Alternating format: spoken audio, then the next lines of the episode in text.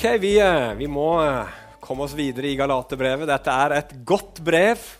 Håper at det har åpna seg litt mer for deg i disse månedene som vi har holdt på det. Det er også et veldig intenst brev. Eh, og nå er vi liksom på vei ut fra Paulus sin historiske utleggelse og, og, og teologiske utleggelse av evangeliet til å komme til det praktiske. Den praktiske konsekvensen av at vi er frelst av nåde alene, ved tro alene, på Jesus Kristus alene. Hva betyr det for oss i praksis? Hvordan skal vi leve? Hvis det er sant, at det er av nåde ved tro på Jesus alene at du og jeg er frelst, hvordan skal vi da leve livene våre? Jo, vi skal snakke om det nå. Og vi skal snakke om dette å fullføre løpet. Det er overskriften min i dag. Å fullføre løpet. Og Vi skal snakke om at vi har et løp å fullføre. Og Vi skal snakke om hvordan det løpet kan brytes, og hvordan vi skal fullføre det. Hvordan vi kan fullføre det. Så Da skal vi gå sammen i dag til Galaterbrevet kapittel 5. Og skal vi lese noen vers fra vers 7 til 15 der, i Jesu navn. Galaterbrevet 5, 7-15. Der skriver Paulus.: Dere begynte løpet godt. Hvem er det som har hindret dere i å være lydige mot sannheten? Hvem har overtalt dere? Ikke han som kalte dere. Litt surdeig gjennomsyrer hele deigen. Men i Herren stoler jeg på at dere ikke vil tenke annerledes enn jeg gjør. Den som forvirrer dere, skal få sin dom, hvem det så er. Hvis jeg fremdeles forkynner omskjærelsen, søsken, hvorfor blir jeg da forfulgt? Da er ikke korset lenger noen snublestein må de bare skjære av seg alt sammen, disse som sprer uro blant dere. Dere søsken er kalt til frihet. La bare ikke friheten bli et påskudd for det som kjøtt og blod vil, men tjen hverandre i kjærlighet. For hele loven blir oppfylt i dette ene budet. Du skal elske de neste som deg selv. Men når dere biter og glefser etter hverandre, så pass dere så dere ikke eter hverandre opp. Ja, far, Herre, nå kommer vi til ditt gode ord. Herre, som er nyttig, og som er kraftfullt, som er sant, og som gjør noe med oss. Det virker i oss med kraft, står det i ditt ord. Herre, la dette ordet nå få komme fram. Herre, jeg vil stille meg i bakgrunnen og ber, Herre, om at du må få tale, at jeg må få være et redskap for deg, at det du vil skal fram i dag, kommer fram. Herre, og at du må hjelpe oss i Jesu navn til å ha god jord i hjertene våre i dag igjen, til å ta imot og til å la oss rettlede, til å la oss overbevise og til å la oss forvandle Gud av ditt hellige, gode ord. Vi ber om det i Jesu navn. Amen. Ok, så Vi skal snakke om dette da, å fullføre løpet. Og Mitt første punkt er at vi har et løp å fullføre. Løpet må fullføres. Eh, dette her er et bilde som du finner flere steder i Det nye testamentet, hvor ditt og mitt liv sammenlignes med et løp som du starter, og så holder du ut i det. Det er et maraton, det er et langt løp. Og så til slutt kommer du til mål. Det begynner den dagen du kommer til tro på Jesus og blir født på nytt. Da begynner du løpet, og så fullfører du det den dagen hvor du reiser herifra. Og så skal vi da forhåpentligvis kunne si som Paulus at vi har stridd den gode strid på den dagen, fullført løpet, bevart troen. Og så skal du, når du fullfører det løpet, få lov til å gå inn i herligheten. Og så skal du og jeg få lov å høre fra Jesu munn, 'Vel gjort, du gode og trofaste tjener'. Så skal vi få ærens uvisnelige krans, står det. Og så skal vi få det beste av alt, nemlig få se Jesus ansikt til ansikt. Og så skal vi bli han lik. Der har du det løpet som du og jeg skal løpe, og som Bibelen tegner opp. Og for en dag det blir når vi kommer i mål. Men nå er vi underveis i løpet vårt. Og da må det løpet løpes. Det må løpes år etter år. Det må løpes uke etter uke. Det må løpes dag etter dag. Og som det står i Hebrebrevet 12, vers 1 så skal vi løpe med tålmodighet eller utholdenhet i den kamp som ligger foran oss. Så Bibelen sier at det løpet du og jeg skal løpe, det er ikke noe sånn søndagstur. men det er en kamp. Det innebærer at du og jeg må gjennom utfordringer. Det innebærer at ditt liv vil møte kriser. Det innebærer at vi kommer gjennom prøvelser, fristelser, fall, forførelser. Og da er det viktig, sånn som Paulus sier til galaterne her, at det holder ikke bare med en god start. Det er fint å begynne bra, men vi trenger også en god avslutning. Og Derfor er Bibelen så full av så mange formaninger og advarsler. Fordi Gud vil ikke bare at vi skal begynne på noe og så stoppe underveis, bryte løpet underveis, men Gud vil at du og jeg skal fullføre det løpet som vi har begynt. Og Det fins mange eksempler som du sikkert kjenner på mennesker som begynte veldig ivrig, og som falt ifra. Og Det fins eksempler i Bibelen på mennesker som begynte bra, men som fikk et dårlig endelikt. En av dem er, er, er Saul, nei, Saulus, holder jeg på å si, men Saul mener jeg jo. Saul! Han begynte bra. Det står at han ble fylt med ånden. Han ble en forandra mann. Han var en ydmyk og god konge en stund. Men så kom det inn noen kompromisser i livet hans, og så endte det forferdelig dårlig med kong Saul. Livet hans gikk dårlig. Enden var tragisk. Men så fins det i Bibelen også andre eksempler på noen som begynte dårlig, men allikevel fikk ende godt. Kanskje det beste eksempelet på det er en konge som het Manasseh. Han var den verste kongen Juda noen gang hadde. Han var en grusom, fæl konge. Og Han regjerte i 54 år i tillegg, så han fikk gjort mye ugagn. Han dyrka avguder, og blod fløyt i gatene i Jerusalem, står det i Bibelen. Men så kom det et punkt i livet hans hvor Gud førte inn store, alvorlige trengsler i livet hans. Han ble bortført, bl.a. Og da står det i Bibelen at han ydmyka seg og ba Gud om nåde. Så, så ga Gud ham nåde og reiste han opp igjen. og Han ble ført tilbake igjen til Juda, tok kongemakten igjen. Og så begynte han å leve et annerledes liv og begynte å rense Jerusalem fra disse avgudene. Så Manasseh, en av de verste kongene, han klarte allikevel å ende løpet sitt på beina. Han klarte å ende rett. Så det viktigste er avslutningen, ikke begynnelse. Men det er jo veldig bra hvis vi både kan begynne godt, løpe godt og avslutte godt. Og det er det som er det viktigste. Men det du og jeg trenger å være klar over, er at i dette løpet som vi løper, så har vi en motstander. Det fins en som vil ødelegge løpet. Og Det er det Paulus sier her til galaterne. Dere begynte løpet godt, vers 7. Hvem er det som har hindret dere i å være lydige mot sannheten? Hvem har overtalt dere? Ikke han som kalte dere, dette her kommer ikke fra Jesus, sier han.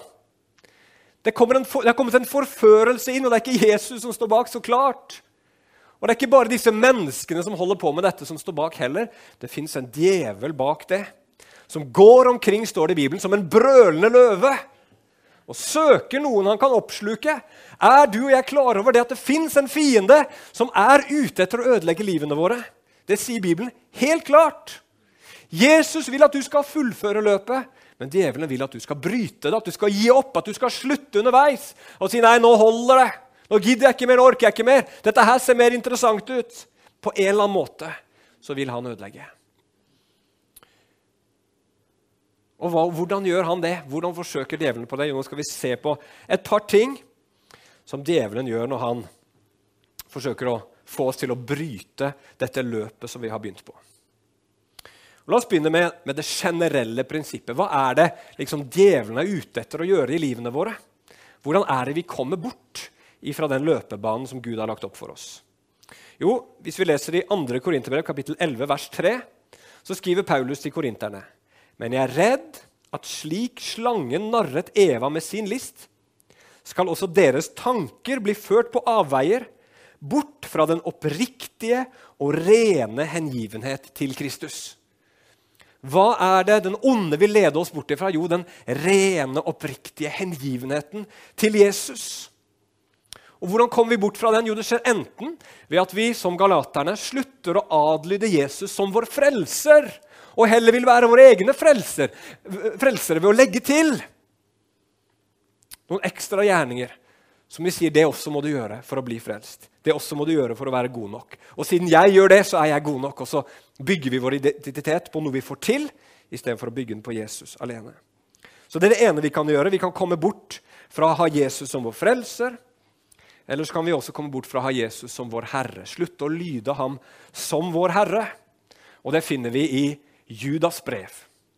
Der sier eh, Judas at eh, noen mennesker i menigheten her har slutta å leve sånn som de skal. Begynt å leve etter sitt, sine egne lyster. Og dermed så fornekter de Jesus. Så du kan komme bort fra den rene, enkle troskapen mot Kristus enten ved å ikke lyde Jesus som frelser eller som herre. Du kan komme bort på de to sidene der. Men så er det konkret. Hvordan skjer dette? Hvordan kan vi bli lurt unna en av disse sannhetene, at Jesus er både frelser og herre? Jo, I Galatermenigheten her så har vi fire konkrete eksempler som Paulus er inne på. Det første han sier, er at litt surdeig, litt gjær, for å bruke et litt mer norsk uttrykk, syrer hele deigen. Altså På samme måte som du tar litt gjær inn i et brød, og hele, hele brødet hever. Hele, hele brødet blir berørt av denne gjæren som du putter inn i. Så er det sånn også at det kan være ting som ser små og ufarlige ut, som ikke virker så veldig viktige, som fort kan spre seg og ta på seg en mye større størrelse og viktighet enn det vi så for oss i begynnelsen. Og Dermed så volder det stor skade, og det fører oss bort fra Gud. Så for eksempel, Det kan være at man slipper inn en liten synd i livet sitt, en lite, et lite kompromiss. Så tenker man det er jo ikke så farlig. Alle gjør jo litt synd. Og så bare lar man det få, få, være der, og så slutter man fred med det. Man kan godt be en liten tilgivelsesbønn til Jesus. Jesus, du vet, det er ikke helt bra, tilgi meg. Men man vender aldri om fra det. Når man slipper inn sånn lite grann i livene, så er det alltid sånn at det vokser. At det tar mer og mer plass, og plutselig så er man et sted man ikke hadde tenkt man skulle være.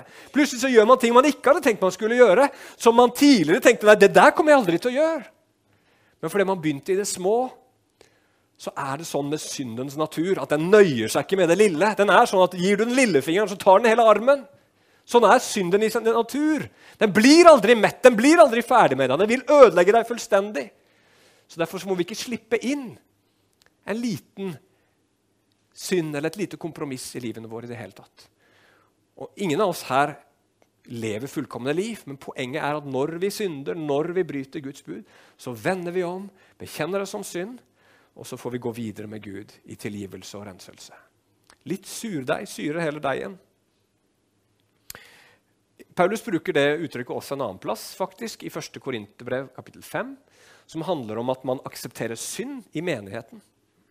Han sier at hvis én person får bare leve med sin synd, en person som enten da lever i synd eller i, i falsk lære, bare får lov til å fortsette å gå der i, i, i fellesskap uten at noen tar, et, tar, tak i personen og, veileder den og sier ok, nå må du ta et valg. Enten så, så følger du Jesus og går med oss, eller så, så, må du ta konsekvensen av de valgene du har tatt. Hvis man ikke tar et oppgjør med det, sier Jesus, eh, sier Paulus, unnskyld, så, så vil den lille surdeigen som begynte, den vil prege og påvirke hele fellesskapet. Og det er, det, det er veldig fort gjort. Når noen bare får gå og holde på, så, så, så følger andre på. Derfor må det tas et oppgjør der også. For ellers blir mange ført bort fra det løpet de skal løpe. Og Det kan også være på den måten at man begynner å se bort fra Guds ord på ett område. Så man tenker det er ikke så viktig, det er ikke så sentralt. Det er ikke liksom hovedsaken av hva Bibelen snakker om. Eh, dere kjenner til her for på Betel at vi, er, vi, vi, har sagt at her vil vi at eldste skal være menn. Ikke fordi vi tror, ikke tror kvinner er dyktige eller flinke eller kan gjøre den oppgaven, men fordi vi ser det i Bibelen.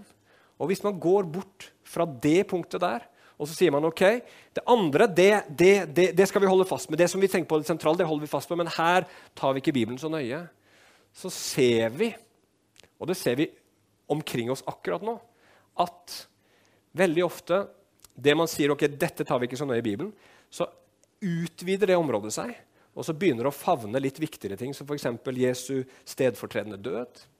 Veldig mange som har begynt i den liksom, liberale retningen, begynner nå å si at ja, men Jesus døde, men han døde som et eksempel. Ikke, han måtte ikke dø, liksom, for vi er ikke så ille at, at liksom, han måtte bli drept for vår skyld. Og så Plutselig så begynner man å, å, å, å kutte ned på hva evangeliet sier. Så begynner man å komme bort ifra fra de sannhetene som er helt sentrale, helt elementære. Så Derfor så tenker jeg det er så viktig at vi, at vi er nøye med å følge Guds ord i absolutt alt. Selv det som er upopulært. Selv det som ikke folk sier ok, dette her støtter vi deg i. Selv når folk sier dette her er jo forkastelig, så tenker jeg at vi må være trofaste mot Guds ord. Fordi litt surdeig syrer hele deigen. Så det er det første. Det er en fare der med at det lille får slippe til og så påvirker det helheten. Og så blir mange mennesker ført bort fra det løpet de skal løpe. Så Det ene Paulus er inne på her. Det andre er at han snakker om overtalelse. Hvem er det som har overtalt dere, sier han. Og Da virker det som at disse som kom inn i Galatermenigheten og ville få disse galatiske kristne bort fra sannheten om frelse ved, ved, ved nåde og tro alene, de var ganske karismatiske, utadvendte, veltalende, dyktige forkynnere. Det er ikke sikkert Paulus var helt sånn. Virker faktisk som han ikke var det. Men disse var veldig karismatiske. Og De kom inn der og var feiende flotte og dyktige og, og attraktive på alle måter. Og så syntes han at det hørtes så bra ut, for de var så, de var så overtalende i hele sin natur og sitt vesen. De hadde den gaven. Og i vår sammenheng pinsekarismatikken, hvor vi tenker på karisma og talegaver som kanskje noe av det aller viktigste for at vi setter noen på talerstolen, så må vi være ekstra våkne. For Bibelen sier at det er ikke sånne ting du skal se etter for å se om noen faktisk taler sant eller sier det Gud vil at han eller hun skal si.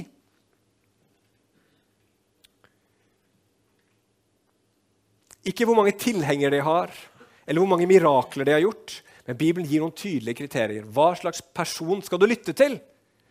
En person som har frukt av Kristus likhet i sitt liv. Ikke fullkomne personer, for det finner du aldri. Men er det en frukt av Kristus likhet i livene deres? Og for det andre lærer de i, med, i tråd med Guds ord. Er de tro imot Bibelen? Og så må man prøve det som blir lært med Skriftene, sånn som jødene i Berøa gjorde. Og Hvis noen scorer lavt på de to kriteriene, hvis du merker at det er ikke åndens frukt i noens liv, hvis du bare skraper litt under overflaten, eller at eh, vedkommende sier ting som ikke stemmer med Guds ord, så skal man være forsiktig.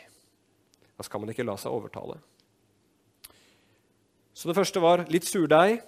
Det andre eh, disse overtalende personene, karismatiske personene, kan føre mennesker bort fra en sann tro.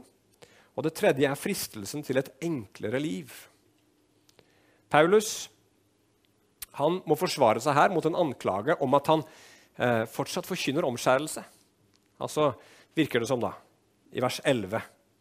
Eh, og disse her motstanderne han sier antageligvis jo, men egentlig så forkynner Paulus omskjærelse når han er med Jakob og de andre. Da forkynner han omskjærelse, men her hos dere, for å gjøre det litt lettere for seg sjøl, så, så, så forkynner han ikke det. Men da sier Paulus at det er helt omvendt.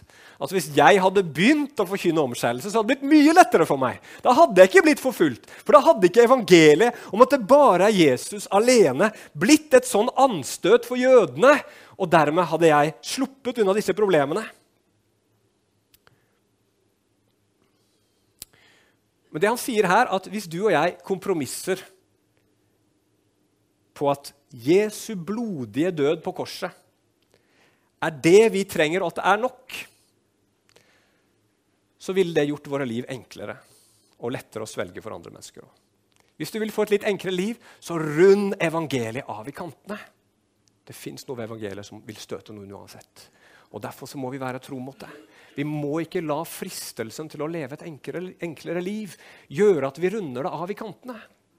Her hvor vi lever nå, i denne tiden, så vet vi at det er det med seksualetikk som får samfunnet til å se rødt. Men kjære brødre og søstre, la oss stå fast på det som er overgitt en gang for alle til alle de hellige. La oss stå fast på det. La oss ikke la oss friste til et enklere liv og komme bort i fra sannheten.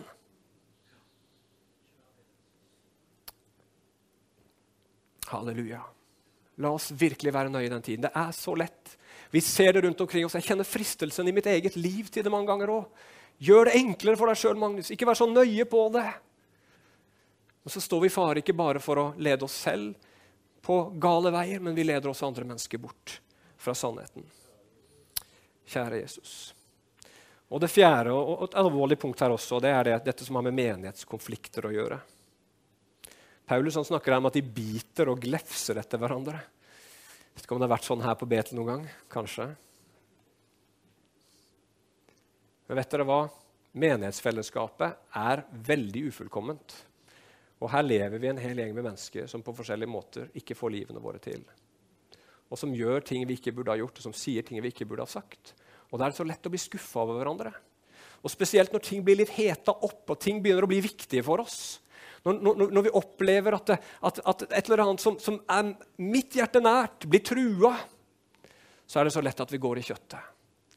Og sånn kan menighetsfellesskapet noen ganger føre til konflikter, hvor det ikke bare er nødvendige konflikter som må tas, for sånn blir det. Du kommer ikke utenom konflikter. Men noen ganger så, så går vi så i kjøttet at det blir Ja, det blir ikke vakkert, for å si det sånn. Og da er det lett å bli skuffa.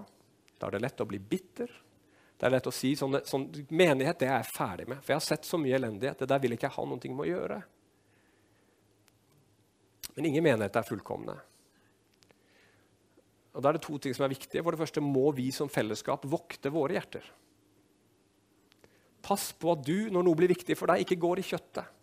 Pass på at du lever et liv framfor Gud hvor du lar deg lede av Ånden, og ikke av den negative og nedbrytende naturen i deg. Og for det andre, når du blir skuffa. Når du blir skuffa på en kristen bror eller søster, så ikke la det få deg til å forlate hele sammenhengen. For det er livsfarlig. Komme bort fra menigheten, det er livsfarlig. Det, det, det, det fins ikke noe farligere enn det enn å forlate menighetsfellesskapet. Jeg har sett altfor mange mennesker gjøre det.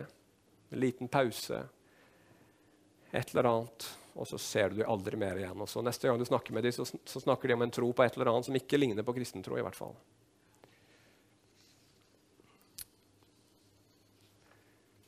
Husk på det, at Jesus elsker deg på tross av mye rart. Og at han elsker din nabo på tross av mye rart.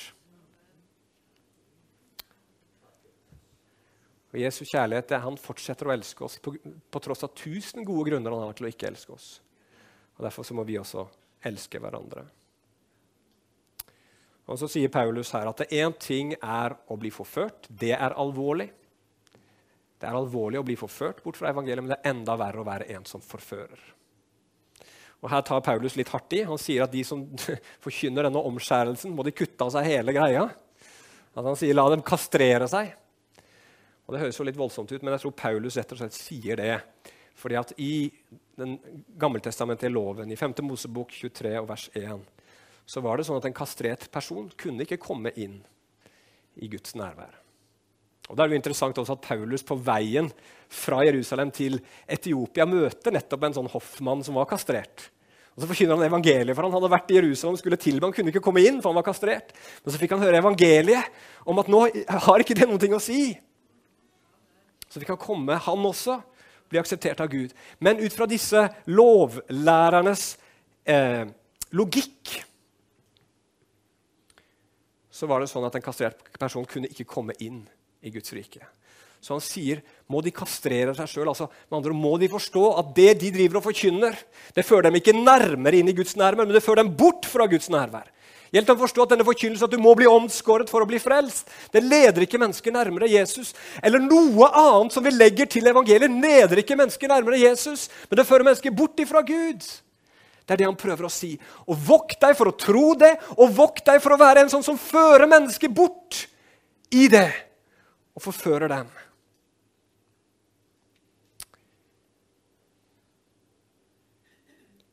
Der ligger et stort alvor. Så løpet kan brytes. Løpet kan brytes. Og hver og en må vokte oss, våre liv. Og så må vi også passe på hverandre, bry oss om hverandre, hjelpe hverandre til å holde ut i den kampen som ligger foran oss. Men la oss avslutte med å snakke om hvordan vi fullfører løpet. Hvordan fullfører vi det? Det fine her det er at Paulus på tross av hvor galt det hadde gått i Galatermenigheten, ikke har gitt opp håpet. Han sier i vers 10.: Men i Herren stoler jeg på at dere ikke vil tenke annerledes enn jeg gjør. Det går an for en sann kristen å trå feil i en periode. Det kan du kanskje se at du har gjort i ditt eget liv også. men fordi at du har blitt født på nytt, fordi at det har kommet noe inni deg som ikke er av deg selv, men som er av Gud, så vil du med Guds nåde også finne tilbake igjen. Du kan gjøre et midlertidig feilsteg, men Herren han slipper deg ikke, han drar deg tilbake. Og hør her, Kanskje du har gått feil. Kanskje du har trådd feil, og ting har gått galt i livet ditt. At du kanskje er på en plass hvor du ikke burde være, og at kanskje ting har blitt skikkelig ille. tenker nå, nå er det ut, ute med meg. Nå fins det ikke lenger noe håp. Så, du, så trenger du ikke fortvile. Fortvil ikke. Det fins mulighet for nåde og omvendelse fortsatt. Bare løp til korset. Kast deg ned for Jesu føtter. Bekjenn din synd. Og si, 'Jesus, vær meg synder nådig.' Og så har aldri Jesus en eneste gang i Bibelen vist bort en angrende synder. Og så reiser han deg opp igjen, og så gir han deg en ny start, og så kan du fullføre løpet. Om det går galt underveis, om du snubler eller faller, så reis deg opp og fullfør! For det er det som er det viktige. Ikke at du begynner godt, men at du fullfører godt. Så hvordan gjør vi det? Hvordan fullfører vi godt? Jo, vi må stå fast i friheten. Du må stå fast i friheten i evangeliet. Paulus sa det i begynnelsen av dette kapittelet. Han gjentar det nå. Stå fast i den friheten som Kristus har frigjort dere til. Stå fast i hva da? Jo, stå fast i den sannheten at i Kristus så er ikke du lenger forbanna, men du er velsigna. I Kristus er ikke du lenger fordømt, men du er frikjent. Halleluja! Du er ikke lenger skyldig, men du er i Kristus rettferdiggjort. Stå fast på sannheten at i Kristus, ved Hans nåde alene, så er du fullt ut inkludert som et medlem av Guds familie. Du er et Guds barn. Du er elska som Jesus selv er elska, for du er i ham. Som en sønn eller en datter av Gud. Stå fast i den frihet som gjør at du ikke trenger lenger å, å strebe i dette livet etter å bevise at du også er noe, at du også er verdt noe. For Jesus har bevist en gang for alle at du er elska. Og lev også den friheten at du ikke trenger lenger å frykte. For Gud er din far i Jesus Kristus. Du trenger ikke nå opp. Du trenger ikke å kjempe for å bli tilstrekkelig. Men du er i Kristus nok tilstrekkelig. Og Hebrebrevet kapittel 12 vers 1-2 sier Derfor skal også vi, siden vi er omgitt av en så stor sky av vitner, legge av enhver byrde og synden som så lett fanger oss, og løpe med utholdenhet i den kampen som er lagt foran oss. Så her er dette løpet, her er denne kampen. Og hva skal vi gjøre underveis? Jo, mens vi ser på Jesus, troens opphavsmann og fullender. Hvordan skal du fullføre dette løpet? Hvordan skal du klare å komme helt til enden? Må du, må du, liksom være sterk? Må du være en spesiell type? Må du være veldig utholdende? Nei, du må se på Jesus. Du må se på Jesus hver eneste dag. Du må ikke kaste bort de mulighetene du har hver dag til å sette deg ned, tenke på Jesus, be, søke Han, lese Hans ord. For du står i en kamp. Og det vi trenger da, er først og fremst å se Jesus. Det er det vi trenger mer enn noe alt. Da kommer du ikke inn i religionens trelldom. For da skjønner du at det Jesus har gjort, det holder. Det er mer enn nok. Da kommer du ikke inn i religionens stolthet og hardhet som har ført så mange bort fra Jesus. Og da lar du heller ikke, som Paulus snakker om her, la denne friheten bli et påskudd for kjødet. Hva mener han med det? Jo, han sier at når Jesus sier jeg har tilgitt, jeg har tilgitt deg alt. Så forstår Paulus hvor radikalt det her er. Du er fullstendig frigjort, du er fullstendig frikjent. Du er fullstendig et Guds barn. Dette her er ekstremt radikalt. Og veldig fort så tenker det menneskelige sin ja, men da kan jeg jo gjøre som jeg vil. Da kan jeg jo leve akkurat sånn som jeg vil. Da har det ikke noe å si hvordan jeg lever livet mitt lenger. Fordi Jesus har jo betalt alt. Men hvis man tenker sånn, så gjør man det til et påskudd for kjødet. Da gjør man det til, som en unnskyldning til å leve ut det livet som ens egoistiske onde natur vil. Men sånn kan vi ikke leve. Altså, Hvem ville gjort det i et ekteskap? Jeg vet at kona mi tilgir meg, så da kan jeg være litt utro. Jeg vet at ektemannen min kom, antageligvis kommer til å tilgi meg, så da kan jeg jo ha ei på si. Det går ikke, det.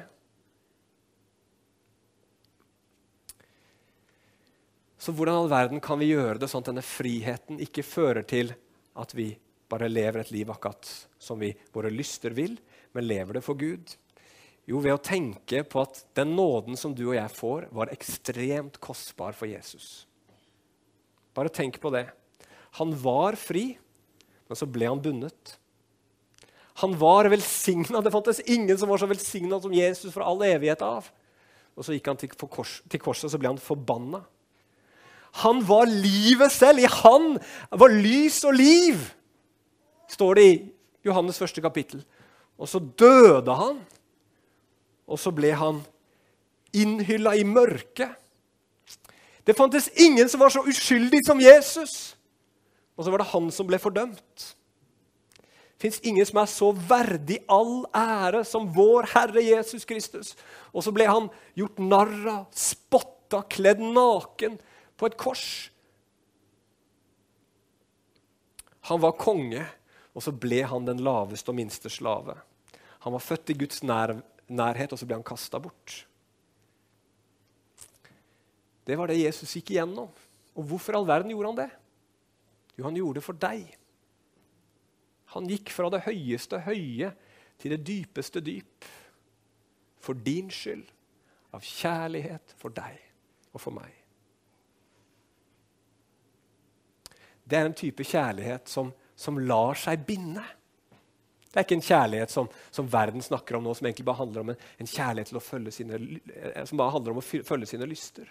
Det er en kjærlighet som elsker så dypt at den lar seg binde for å redde og frelse den man elsker. Selv om den andre ikke fortjener det, og selv om det koster alt. Og Hvis du og jeg ser den kjærligheten, så må det gjøre noe med livene våre. Da kan vi ikke legge oss under noe trelldommens åk.